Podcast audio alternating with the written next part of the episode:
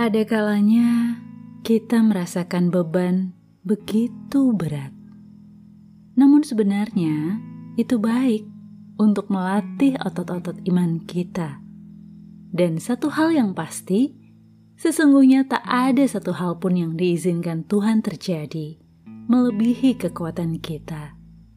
Jadi, meski kita merasa itu amat berat, sebenarnya kita itu kuat sanggup menghadapinya, bisa mengangkatnya. Kegelisahan dan kegusaranlah yang membuat kita jadi kalut, sehingga beban semakin terasa berat.